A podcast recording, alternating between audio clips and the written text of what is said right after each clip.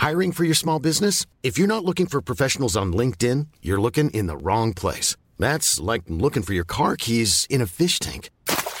LinkedIn helps you hire professionals you can't find anywhere else, even those who aren't actively searching for a new job but might be open to the perfect role. In a given month, over 70% of LinkedIn users don't even visit other leading job sites. So start looking in the right place. With LinkedIn, you can hire professionals like a professional. Post your free job on linkedin.com slash spoken today.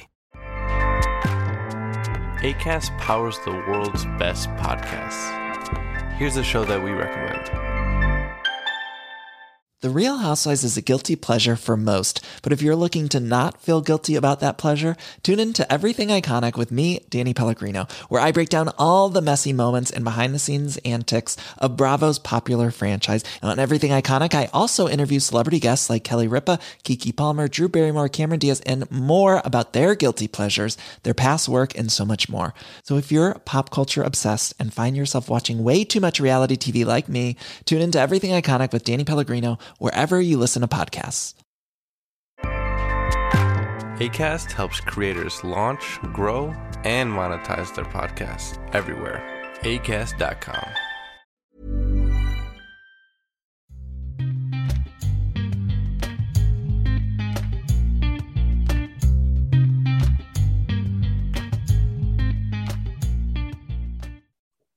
Så där då, välkomna ska ni vara till ett nytt avsnitt av Du SSL och den här avsnittet är ett gästavsnitt där ingen mindre än Varbergs keeper Hanna Svensson är med. Välkommen till podden. Tackar, tackar. Hur är läget? Jo, det är fint. Det är onsdag. Eget passet gjort. Ledig kväll. Ja. Det finns inte mycket, mycket att klaga på. Gött. Vad blev det för eget kört idag? Idag vart det intervaller. Fina intervaller alltså, utomhus. Nej, faktiskt på löpband. Ja, ja, jag vet inte om Kolla det på- kanske, det är lite ruggigt ute nu. Ja, lite kallt. Ja. Kan man Ja, kolla men på tv samtidigt också. Annars då, hösten här, eh, inledningen på den här säsongen, liksom hur, hur är annars liksom innebandyn? Jo, men det känns bra. Vi har haft en ganska tuff inledning på så vis. Vi har mött både Pixbo och Thorengruppen. Eh, Men eh, helt klart en godkänd inledning av säsongen tycker jag. Ja, vi kommer väl in lite grann på det, men eh, som vanligt så i den här podden och i de här gästavsnitten så börjar vi med en faktaruta. Och Ja. första frågan där är ålder. 24 år. Född Mm. 97. Just det, just det. Väldigt eh, rutinerad trots att du inte är lastgammal får man säga. Du har ju varit med i, ganska länge på seniornivå här. Ja, jag gör min tionde säsong i eh, Varbergs damlag nu då. Ja, det är ju helt otroligt egentligen. Alltså, du kom upp som typ 14-15-åring där. Ja, när jag var 15 fick jag frågan att kliva upp och ta steget liksom. Och det Och var, vi. just det, det var division 1 var då, eller hur? Ja, precis. Det hette division 1 då. Det som idag är allsvenskan. Ja. Vi kommer in på det också senare, så att eh, ja, men eh, spännande. Eh, och position då, det har vi väl kanske redan avslöjat, men du är ju, Jag är målvakt. ja, har det alltid varit det? Eh, Jag bestämde mig att ta steget till att bara vara målvakt när jag var typ 12-13 någon gång där. Och det kommer jag också komma in på, men eh, vad var det liksom, vad var det du kände då som gjorde att eh, du ville stå i mål enbart? Nej, jag kände att där hade jag ju min grej. Eh, Jag tyckte även om att vara det här lilla avgörande momentet i spelet. Och kunna avgöra matcher på så vis. Och den lilla pressen, den, den gillar jag. Ja, det är ju en, man är ju ganska, vad säger man, man är i sista utposten, man har ju rätt mycket ansvar på sina axlar. Ja, man är ju rätt utsatt som målvakt. Det märks ju om man gör misstag liksom. Familj, Familj, då har vi mamma och pappa eh, och en eh, lillebror som är två år yngre än mig. Eh, Och sen har vi, ja, mamma har ju hund också.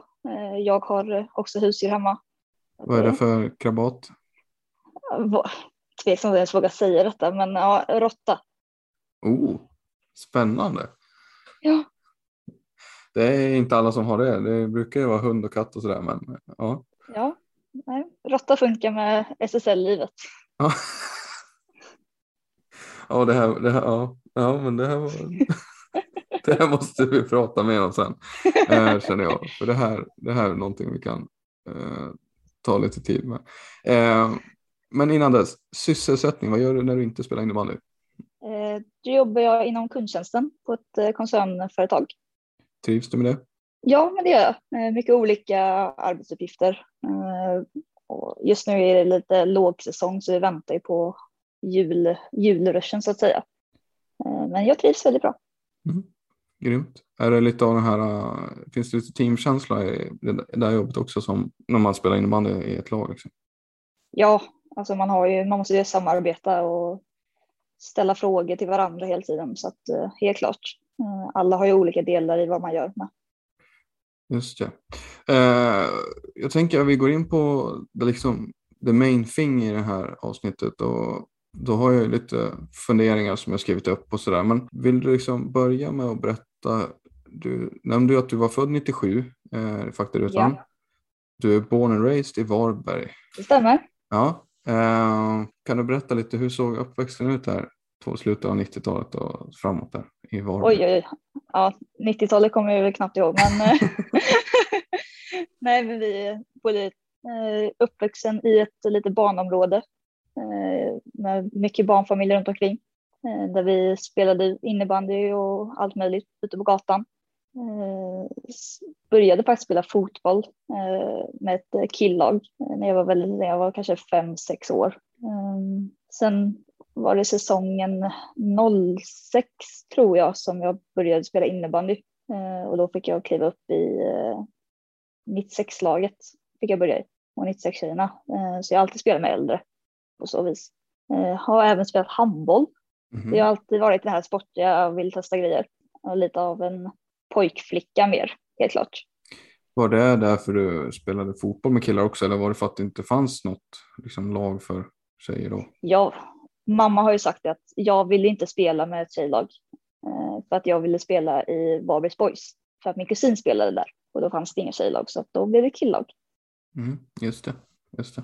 Ja, eh, sen vad hände mer där? Eh, sen var det ja, mycket fotboll på somrarna och sen handboll och innebandy på vintrarna liksom. Sen slutade jag med handbollen när jag tyckte att han, innebandy var roligare och tog mer tid. Och vad kan jag vara? Mm, Kanske var åtta, nio kanske, lite osäker.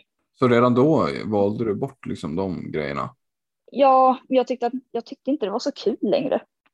Eh, Jag tyckte att fotboll och innebandy var roligare och tränade alltid lite med de äldre och så vidare.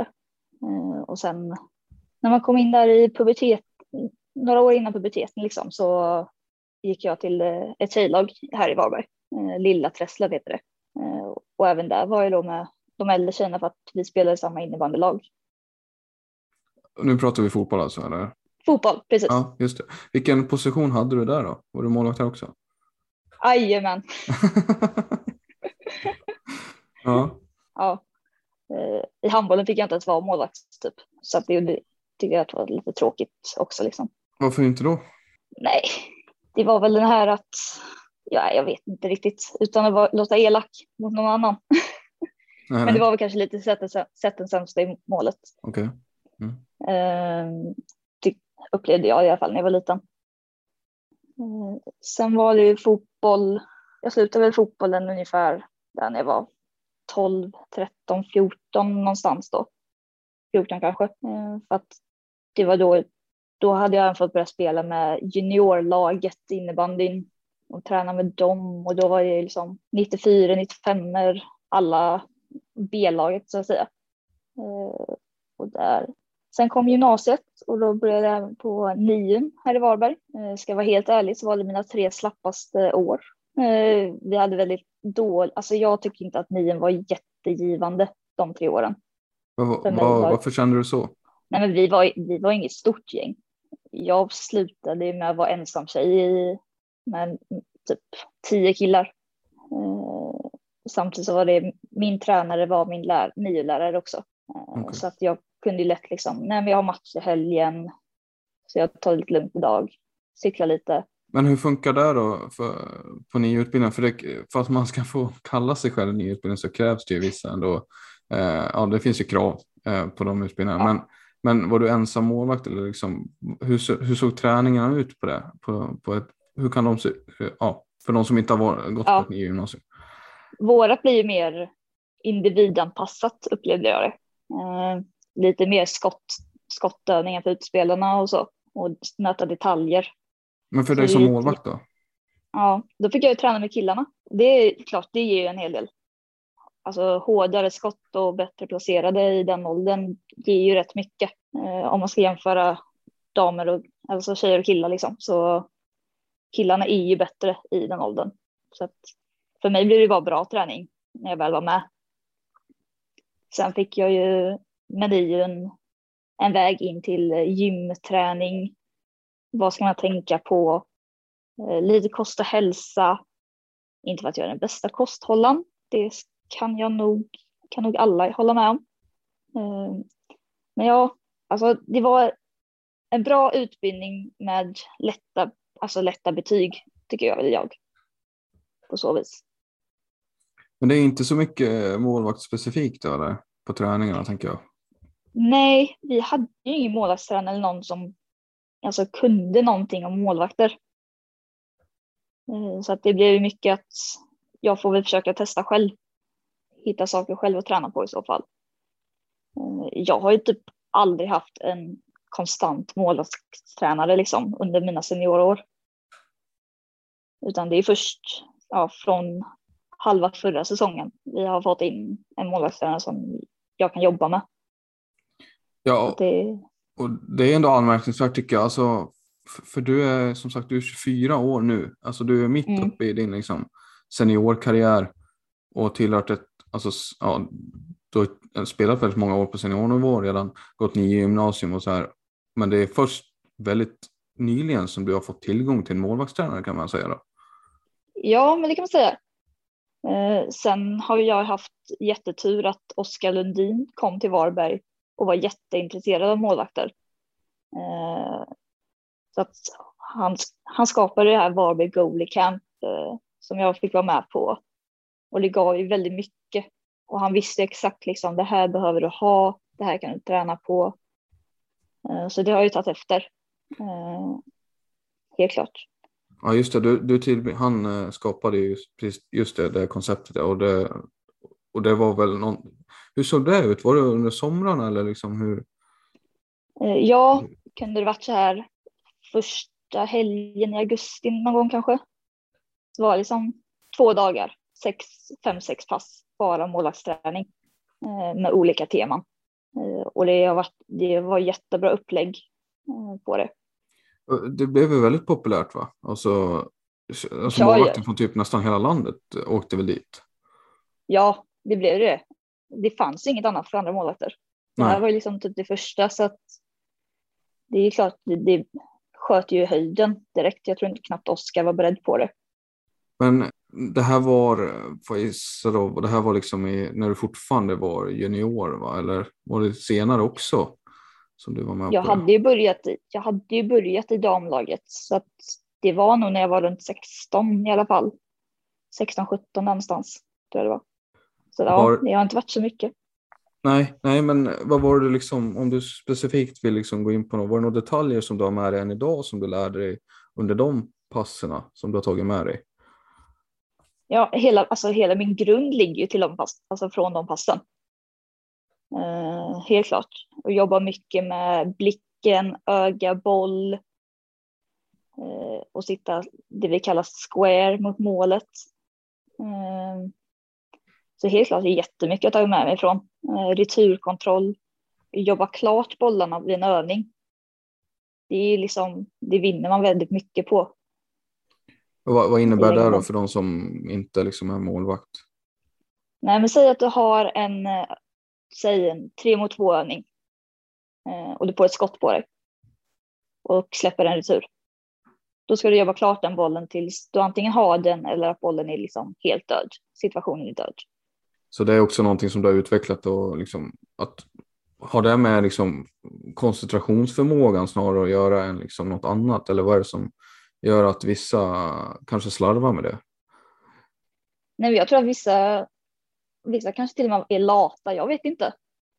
Men jag kände väl att för många målvakter jag ser i våra ungdomslag att nej, men jag sitter bara på skottet. Eh, jag skiter i när de passar, hur de passar. Eh, utan bara sitter där och jobbar inte med de förflyttningar som man sedan använder i spelet. Så det är sådana små detaljer som man hela tiden måste jobba på.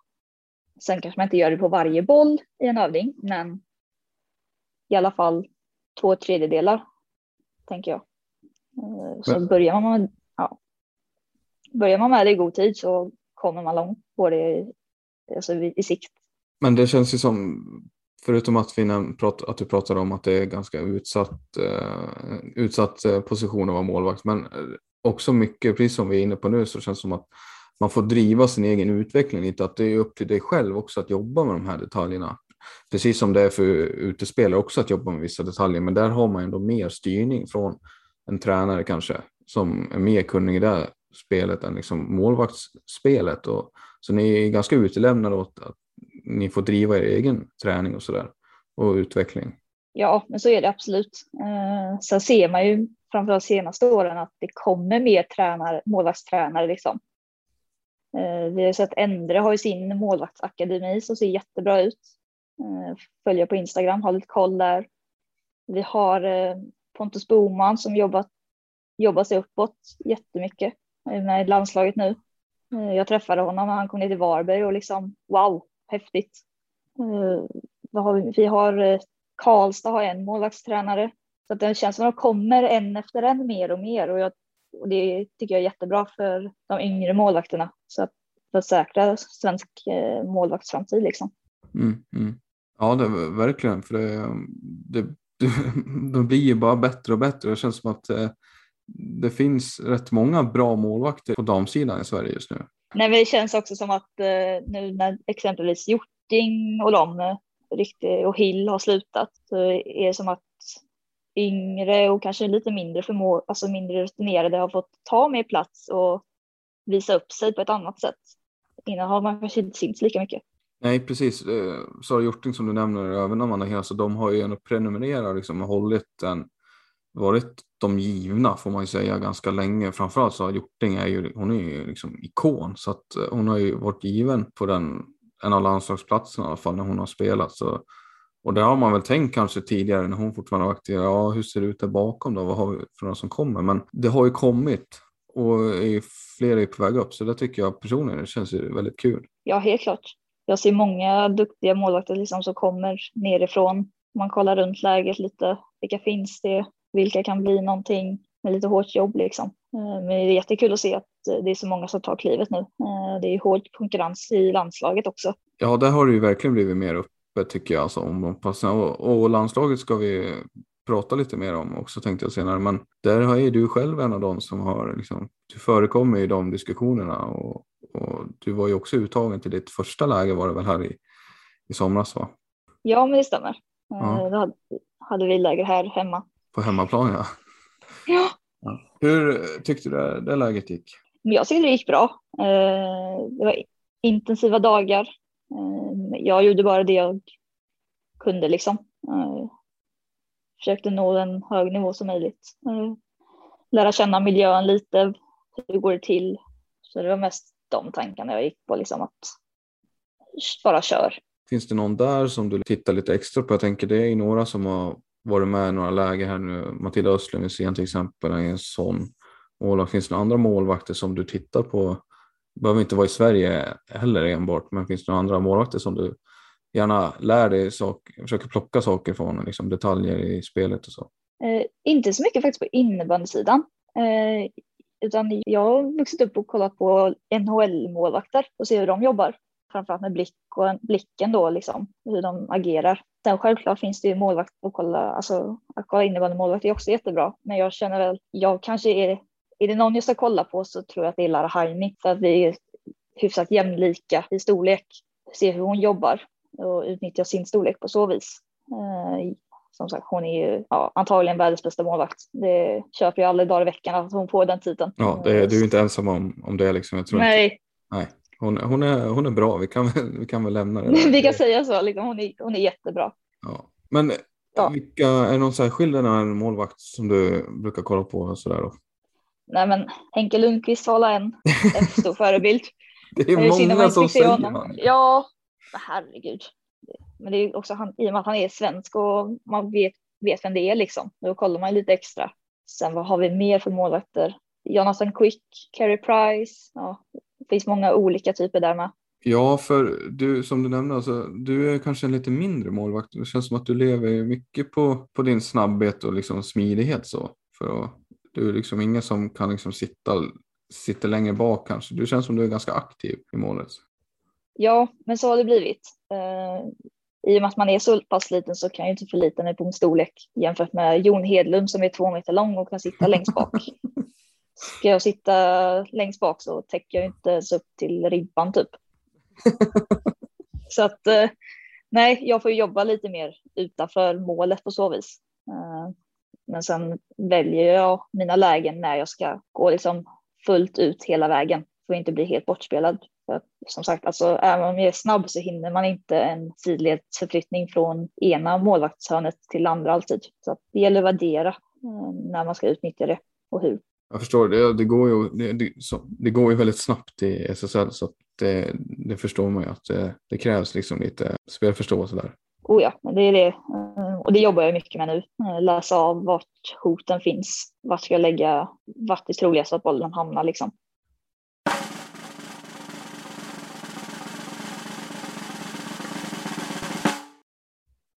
Brukar du scouta motståndarspelare och sådär inför matcher och, och liknande?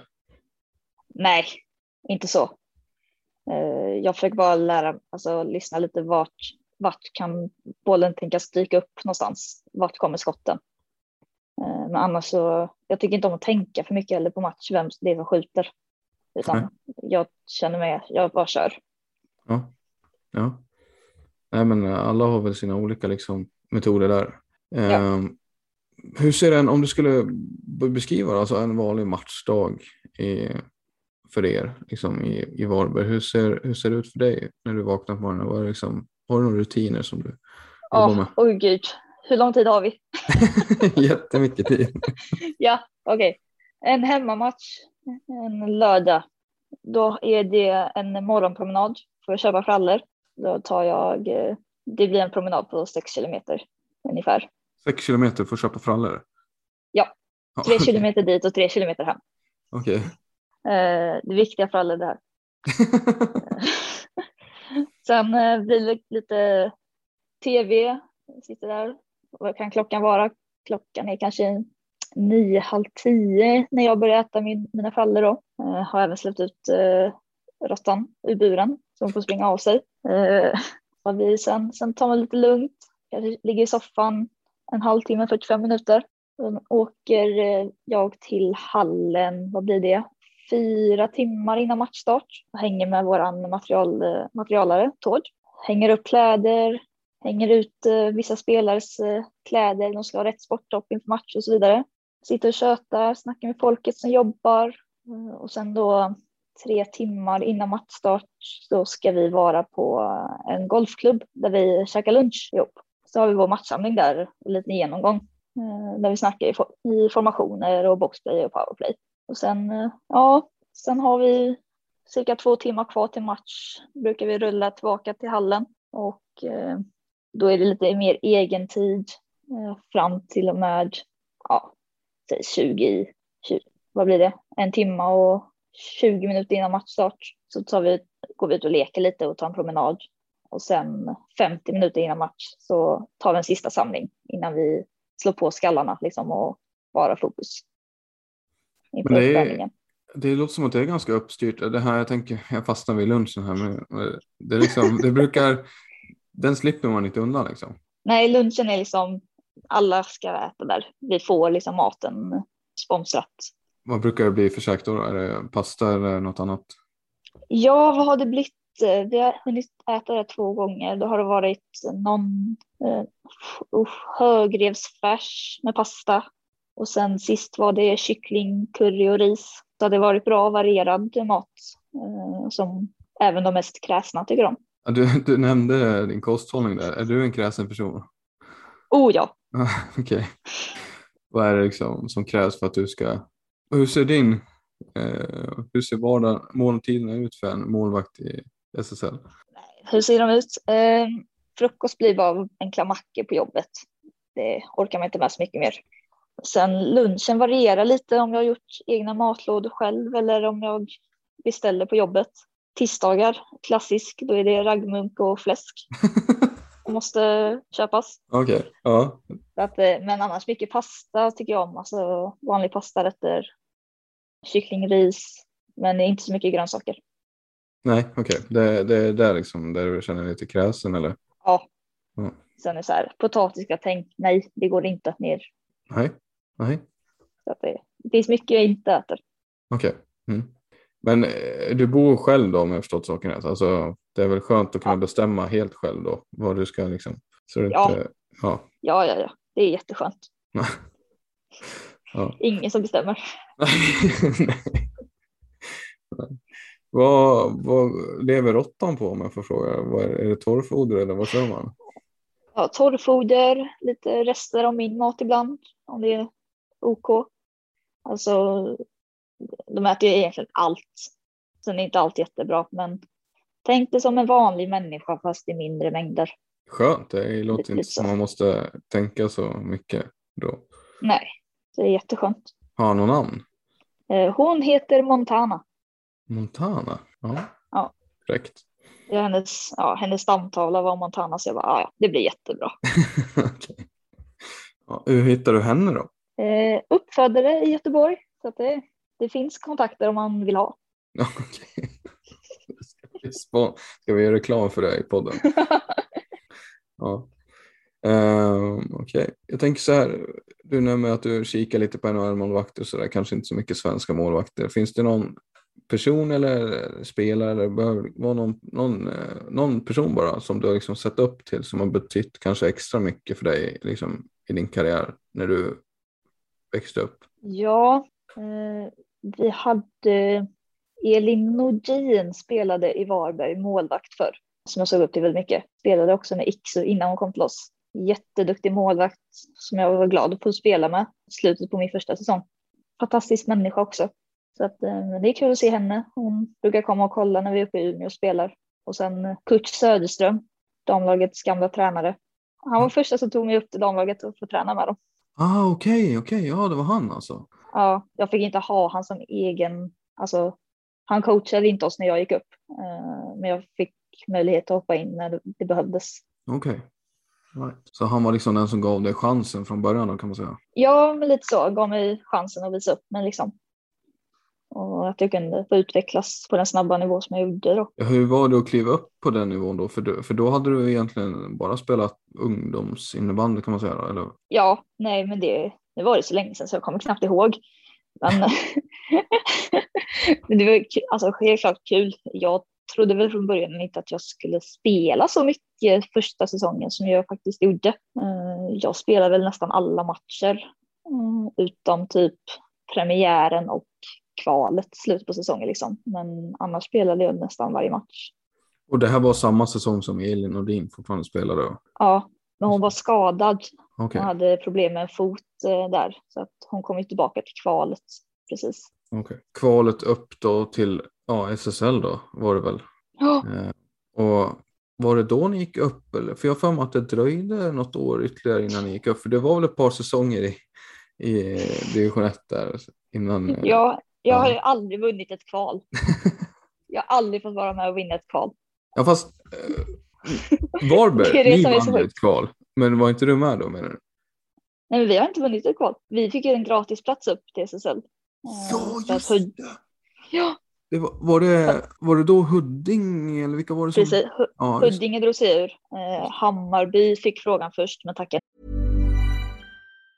When you're ready to pop the question, the last thing you want to do is second guess the ring. At Bluenile.com, you can design a one of a kind ring with the ease and convenience of shopping online. Choose your diamond and setting. When you find the one, you'll get it delivered right to your door. Go to Bluenile.com and use promo code LISTEN to get $50 off your purchase of $500 or more. That's code LISTEN at Bluenile.com for $50 off your purchase. Bluenile.com code LISTEN. Hiring for your small business? If you're not looking for professionals on LinkedIn, you're looking in the wrong place. That's like looking for your car keys in a fish tank. LinkedIn helps you hire professionals you can't find anywhere else, even those who aren't actively searching for a new job but might be open to the perfect role. In a given month, over 70% of LinkedIn users don't even visit other leading job sites. So start looking in the right place. With LinkedIn, you can hire professionals like a professional. Post your free job on linkedin.com slash spoken today. Nej. Eh, sen fick vi frågan och då var det självklart ja. Liksom. Oj. Ja, kan du ta oss tillbaka där? För, för hur slutade den säsongen i division 1 förresten? Kan du ta oss och sen så kan Ja. ta den slutet där? Ja, vi hade SSL-kvalet där. Då spelade man gruppspel om två platser. Så då var det vi, Sala, Silverstaden, FBC Uppsala och något lag till som jag inte kommer ihåg vilka det var. Ehm, men så hade vi en sista avgörande match mot Sala Silverstaden som skulle liksom avgöra om vi gick upp eller inte. Det stod mellan oss två. Ehm, och jag minns den matchen mycket väl, för vi har eh, Varbergsspelen samma helg, vår stora ungdomsturnering. Så läktarna var ju fullsatta liksom och det gick folk överallt och hejade och ropa. Men jag, jag satt ju på bänken hela kvalet. Eh, men jag var ju skitnervös ändå. Liksom. Eh, och jag vet att det var en jättejämn match. Det stod 1-1 länge, eh, men matchen slutade ju då dessvärre 2-1 till Sala och det var liksom första försöket. Och då var jag 15, ja, hade inte ens hunnit fylla 16 än. Just det, just det. Det här var början på 2013 eller hur var det? Ja, det måste det bli va? det ja, det är åtta år sedan då. Typ. Ja, ja, ni, ja, mitt första år i alla fall. Ja, säsongen 13. Ja, en herrans massa år. Ja, nej, men. Alla så säsongerna går i ett nu. Liksom. Alltså, Nej, men säsongerna går i ett nu. Liksom. Ja. Kommer inte ihåg vilket som skedde när. nej, nej. Men det slutar ju besvikelse då. Alltså, trots att du inte fick stå i de matcherna. Alltså, hur, hur tungt var det för dig liksom att åka på den smällen då? Nej, men det var tungt. Vi hade ju det laget som skulle gått upp till SSL då på pappret. Vi hade jättemånga duktiga spelare. Madeleine Jonsson, eh, Katrin Arbelius, Anna Johansson, eh, flertalet duktiga spelare som var stjärnorna liksom i laget. Och jag vet att skolan, måndagen därefter, jag, jag var så ledsen så att jag fick åka hem. Alltså, det var så Liksom. pass alltså? Ja, jag var nog så pass chockad liksom att, och mentalt uttömd. Så att eh, då bröt jag ihop skolan och bara nej, jag fick åka hem. Oj. Min lärare Ja, skickade hem.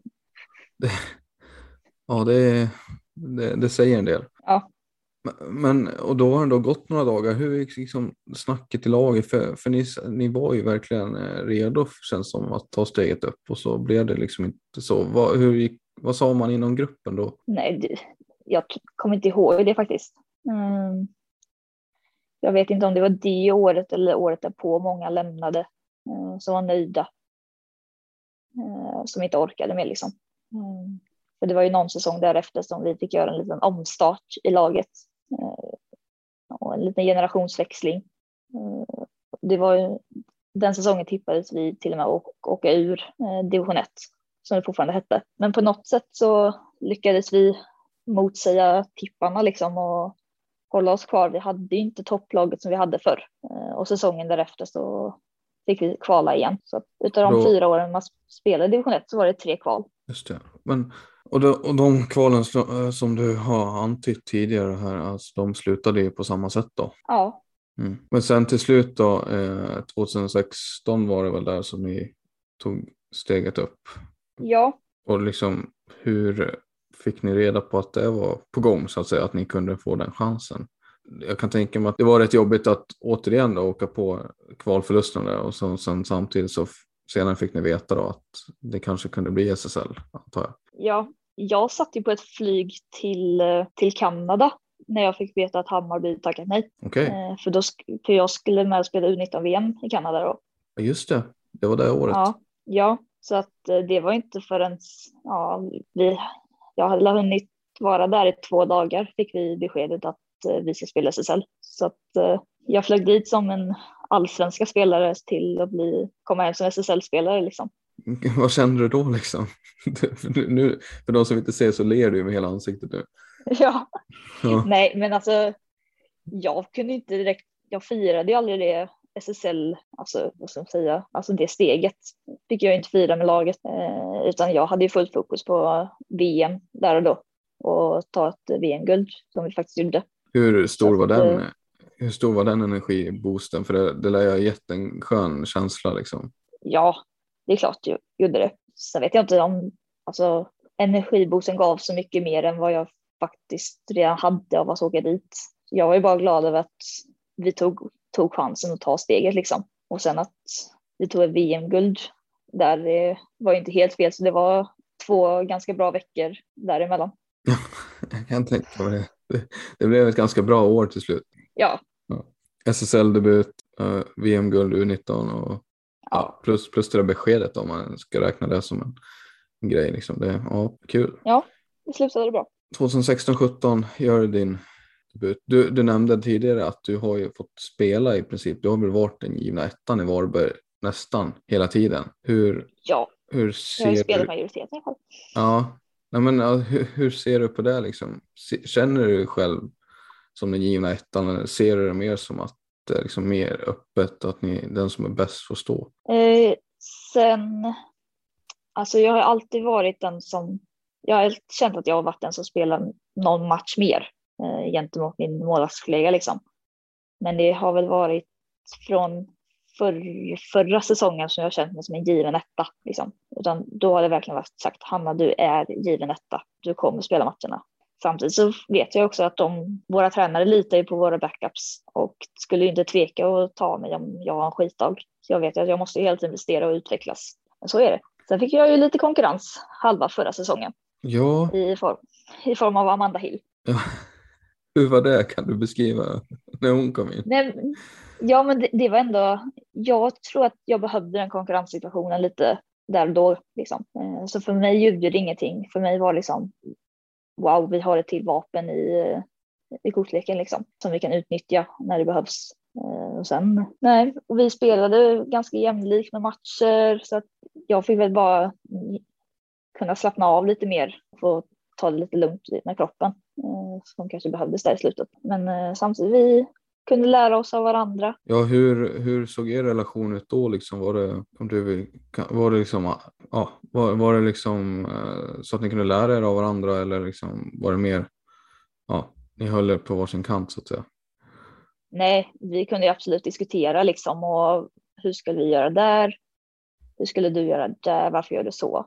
Så att det tycker jag absolut, det är väl en av de bättre målvaktsrelationerna jag har haft eh, med Amanda då. Ja, när du är inne på målvaktsrelation, så det, alltså, vad är det som krävs för att det ska funka bra? För det är ju också en intressant situation där man har liksom, oftast då är det två personer, två målvakter som slåss mot varandra. Alltså, det kan ju bli rätt jobbigt om det är så att en, en får stå mycket mindre och den kanske inte riktigt är nöjd med det, inte ser sig själv som en given tvåa, eh, som man ofta är då bakom Hanna Svensson i Varbergs mål.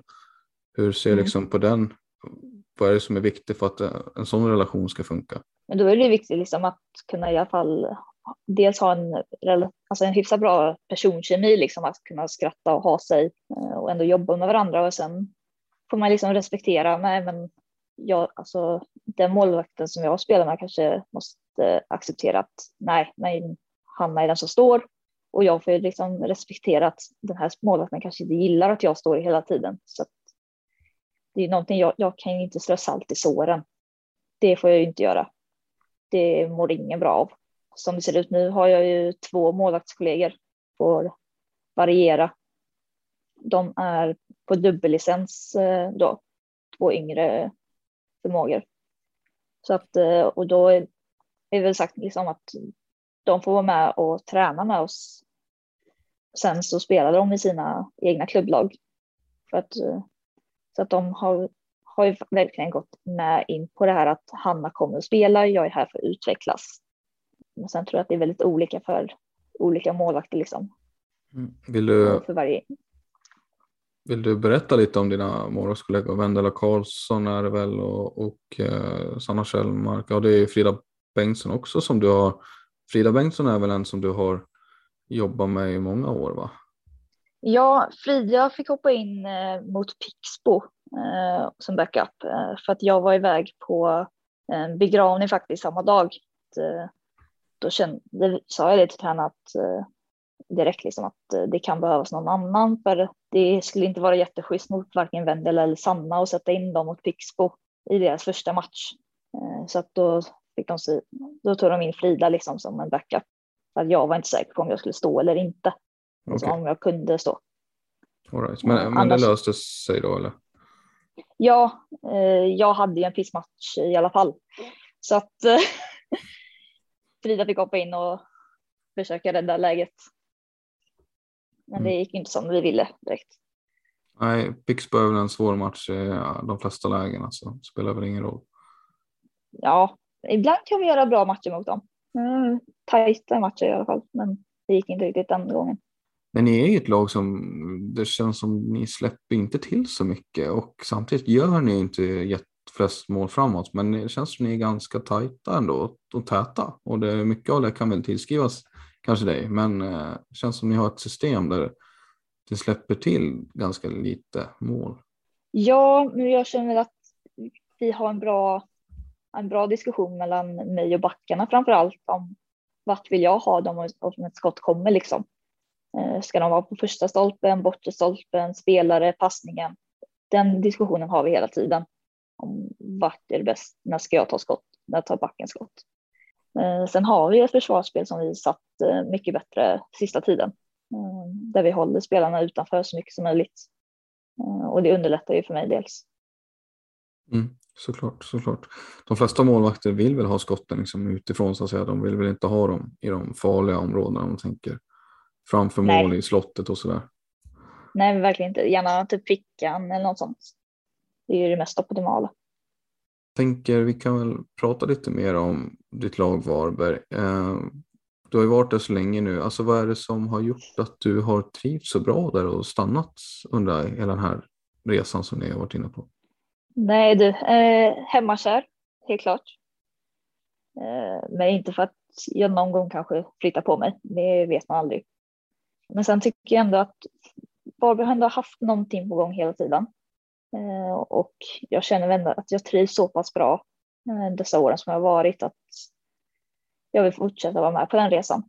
Och jag tycker ändå att eh, klubben har satsat mer och mer på stamer eh, ju längre tiden går. Så att eh, finns ju ja, många faktorer som väger in i det. Familjen är här också liksom så att det. Men med det sagt då, alltså du utesluter inte att någon gång i framtiden så vill du testa något nytt? Nej, det gör jag inte. Det, den dörren kommer jag nog aldrig kunna stänga.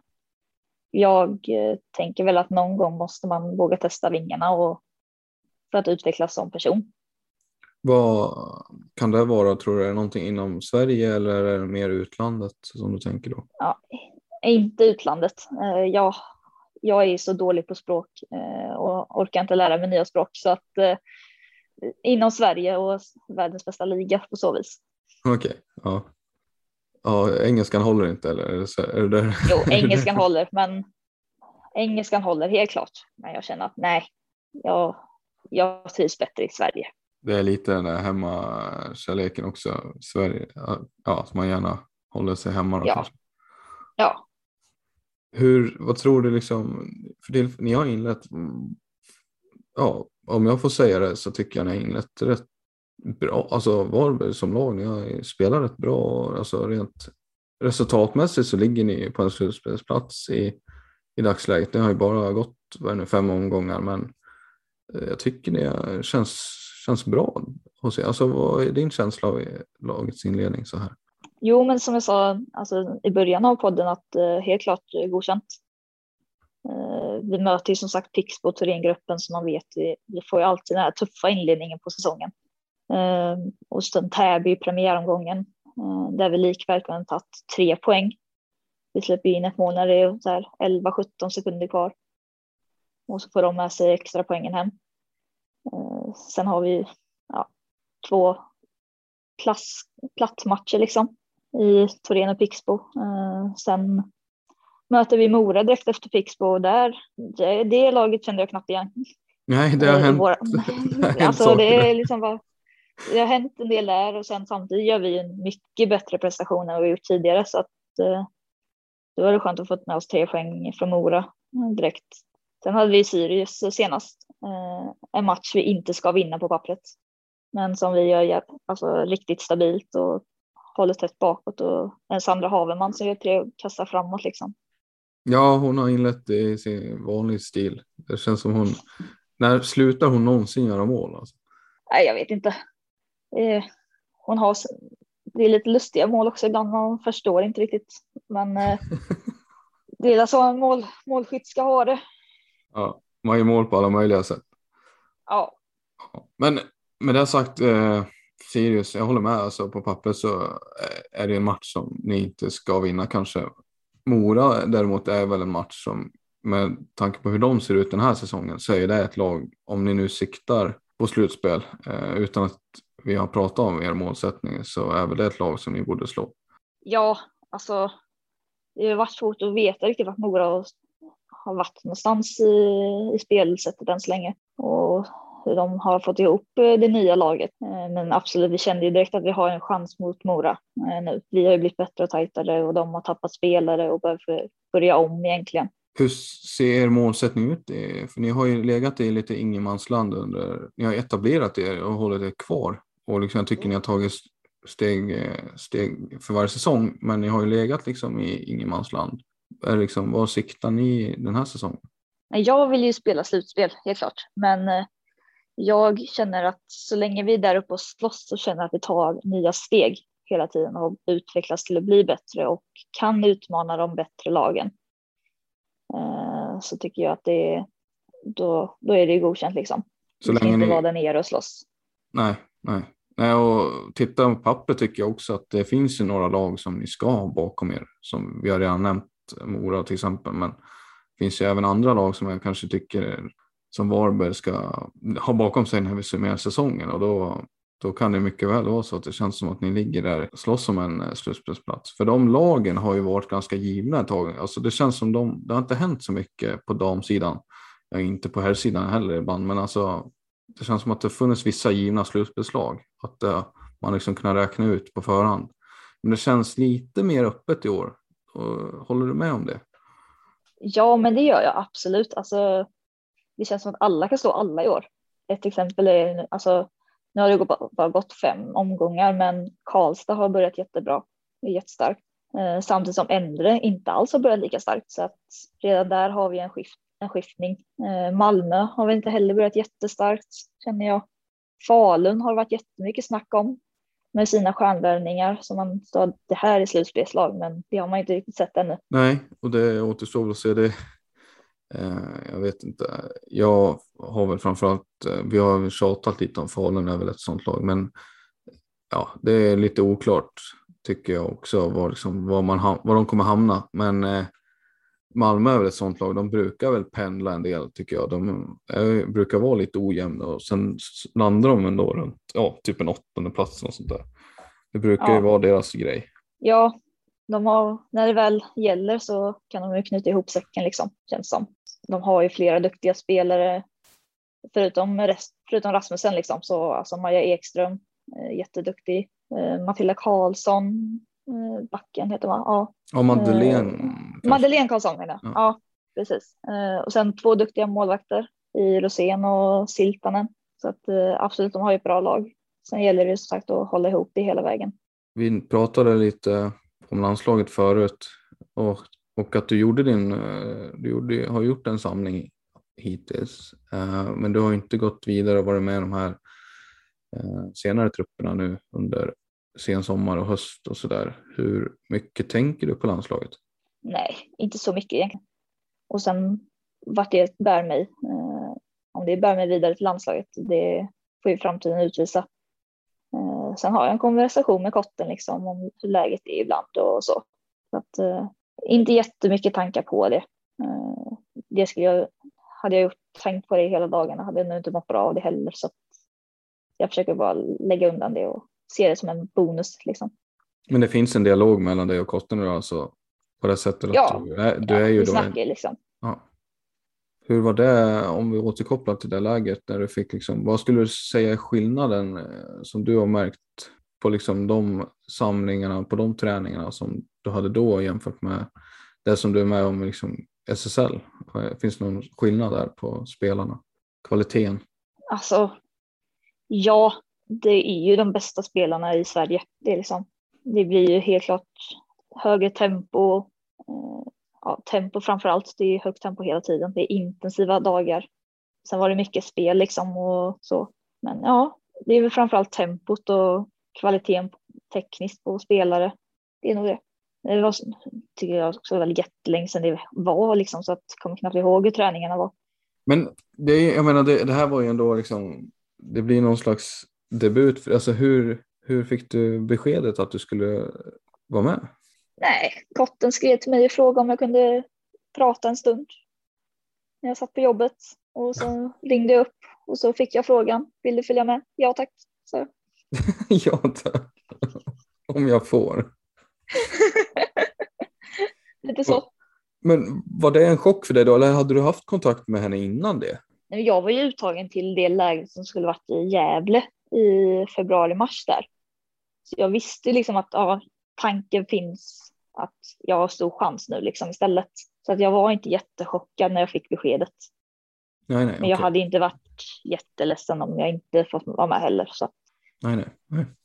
Men ser du dig själv, tycker du själv att du ska vara med där så att säga? Alltså ser du dig själv som en av de främsta där uppe? För, jag ser mig själv som en kandidat, det gör jag. Men sen är det svårt att säga i och med att de målvakterna som är aktuella är också väldigt olika i spelstilarna och alla är jätteduktiga liksom så att det är svårt att säga vilka som ska vara med och inte vara med kan jag tycka. Det är liksom en, som jag sa i en intervju när jag väl blev uttagen liksom att jag är ödmjuk inför uppgiften som kommer för jag vet att det är en hård konkurrens. Så jag väljer liksom att, jag ser ju hellre det liksom, jag förväntar mig det värsta för det, det bästa liksom. Mm, mm. Ja, nej, men det låter väl sunt eh, och rimligt liksom. Hur ser du på liksom, eh, om du tänker liksom Sverige och damennebandyn just nu? Hur, om du skulle ge någon slags analys på den, hur, liksom, hur, eh, hur ser det ut tycker du för framtiden för är svårt att säga, jag har inte tänkt på det så mycket. Eh, Jag förstår. Nej, men först och främst, alltså jag känner väl ändå att det har blivit bättre liksom arrangörsmässigt. Eh, sen tycker jag att det kan bli ännu bättre. Jag tycker, alltså när vi var i Sirius, det var ju inte mycket folk alls på den matchen. Och det känns som man behöver skapa ett bättre engagemang för damlagen i SSL för att kunna bygga vidare på någonting i framtiden liksom och kanske skapa heltidsproffsen eller i alla fall något sånt. Eh, för att kunna bli ännu bättre och träna ännu mer. Eh, Men som sagt, ja, det har blivit mycket bättre och eh, det beror nog mycket på sociala medier. Det är lättare att nå ut till folk. Men eh, jag tror också att det kan bli ännu bättre. Hur ser relationen, eller relationen, hur ser förutsättningarna ska jag säga, eh, ut för er i, i Varberg? För ni har ju som, vi pratade du och jag innan vi började spela in det här och att ni har ju en fin hall i Varberg som ni har haft länge och, och, eh, och det känns som det är, det är lite av en lyx för det är ju inte alla föreningar som har det. Men hur ser förutsättningarna för er ut i, i damlaget med träning och så vidare? Jo, men det ser bra ut. Vi har ju en fantastisk hall som sagt eh, med tre planer. Vi har planen vi spelar matcherna på och sen har vi två träningshallar bakom där. Eh, sen har vi vår fystränare har varit med och byggt upp ett eh, nytt, en ny gymavdelning kan vi säga. Med fler skivstänger och vikter, cyklar, hantlar. Sen har vi ett litet rehabgym som jag kallar det nu då. Eh, med lite mindre grejer, band och bollar och så. Eh, så vi har förråd där vi kan slänga in grejerna efter träningarna. Eh, de tvättar våra träningskläder efter varje träning. Så att det är mycket liksom som man inte behöver tänka på och som underlättar liksom för oss. Och hur ser det ut för dig då? Ni tränar, vad har vi sagt, är det fem träningar i veckan eller hur ser det ut? Ja, vi har fyra innebandyträningar i veckan. Eh, och sen har vi ett eget eh, pass på onsdagar. Eh, Då är det främst gympass liksom. Och du jobbar också heltid eller hur ser liksom den, den situationen ut? Ja, jag jobbar 100 procent. Så att jag åker direkt från jobbet till hallen. Jag slutar halv fyra och jobbar tvärs över vägen till hallen så att då åker jag direkt dit och tar det lugnt innan träningen börjar klockan fem oftast. Eh, Sen på torsdagar har jag även eh, träning för ett ungdomslag i klubben som jag är med och hjälper till. Eh, Jag och Sandra Haverman som har dem Ah, okej. en dag i veckan liksom. Så att eh, då börjar de fyra och sen är det slut fem. Så har vi möte halv sex liksom. Så att hela torsdagarna försvinner för mig. Ja, men det låter ändå kul ju. Alltså, och- Ja, det är det. Ja. Det är det. Sen att de inte alltid lyssnar, det är en annan sak. Men det är kul att se dem lära sig. De ska inte saker. lyssna heller i den där åldern. Nej. Kul att höra. Jag tänker vi rullar vidare i avsnittet. Jag tänker vi kanske kan börja avrunda och eh, ta oss till vårt eh, slutmoment. Fem snabba Ja. frågor. Yes. Eh, och då har vi anpassat de här såklart. Vi har ju lite olika figurer med ibland. Kanske ledare, utespelare, målvakter nu då. Så att vi får ju försöka Ja. anpassa frågorna. Fråga nummer ett. Straffräddning eller assist? Vad föredrar du? Uh, sist. Forward eller back? Om du måste byta position, vad vill du spela då? Back. Varför? Jag tror att jag hade passat bättre där än forward. Kan skjuta lite långskott också. Den bästa målvakten i SSL då, förutom dig själv? Ja, Lara Haini. Varför? världens bästa målvakt. Som sagt sen tidigare, alltså, det är liksom, är man världens bästa målvakt så, och spelar SSL så är man ju SSLs bästa målvakt.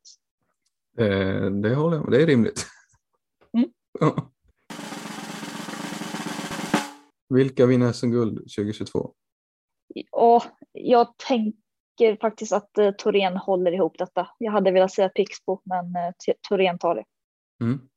De eh, känns starka som vanligt tänkte jag säga. Ja, gud ja. Med tvillingarna Kauppi och Joelsson, Wibron, Fjällstedt. Ja, Ja, det, ja. Nej, men eh, Ja. är det lite tråkigt kanske? Eller vad tycker man som eh, konkurrent, konkurrent liksom, till dem? Nej, men alltså, alltså visst, man tänker att de är förhandsfavoriter, men sen är det också intressant att se när kommer fallet. För man kan inte vara på, jag tror inte man kan vara på samma nivå hela tiden. Motivationen tar ju slut någonstans liksom. Ja, och det, det har de ju varit ganska länge nu så att eh, ja, det är intressant det där. Ja, samtidigt är det en fantastisk utmaning att få spela mot dem. Eh, Vi lyckades ju faktiskt vinna en match mot dem förra säsongen så att eh, det är ändå ett bra lag att möta och- och ta lärdom av. Ja, sköna bortaresor också. Ja, jättekul. Åker ni buss eller flyger ni förresten? Eh, I år fick vi flyga. Förra säsongen tog vi tåget. Mm, tåget. Okej. Mm. Hur lång tid tar det? Eh, tio timmar. Bara? Ja, fyra Jaha. till Stockholm och sen sex timmar Stockholm-Umeå. Oj. Ja, gött. ja men eh, då har vi fått svar på det. Eh, Ja. Thorengruppen vinner SM-guld. Jättebra. Hanna Svensson, stort tack för att du gästade Du SSL. Tack för att jag fick vara med. Och får tacka er som har lyssnat och så hörs vi när vi hörs helt enkelt. Eh, ha det gott.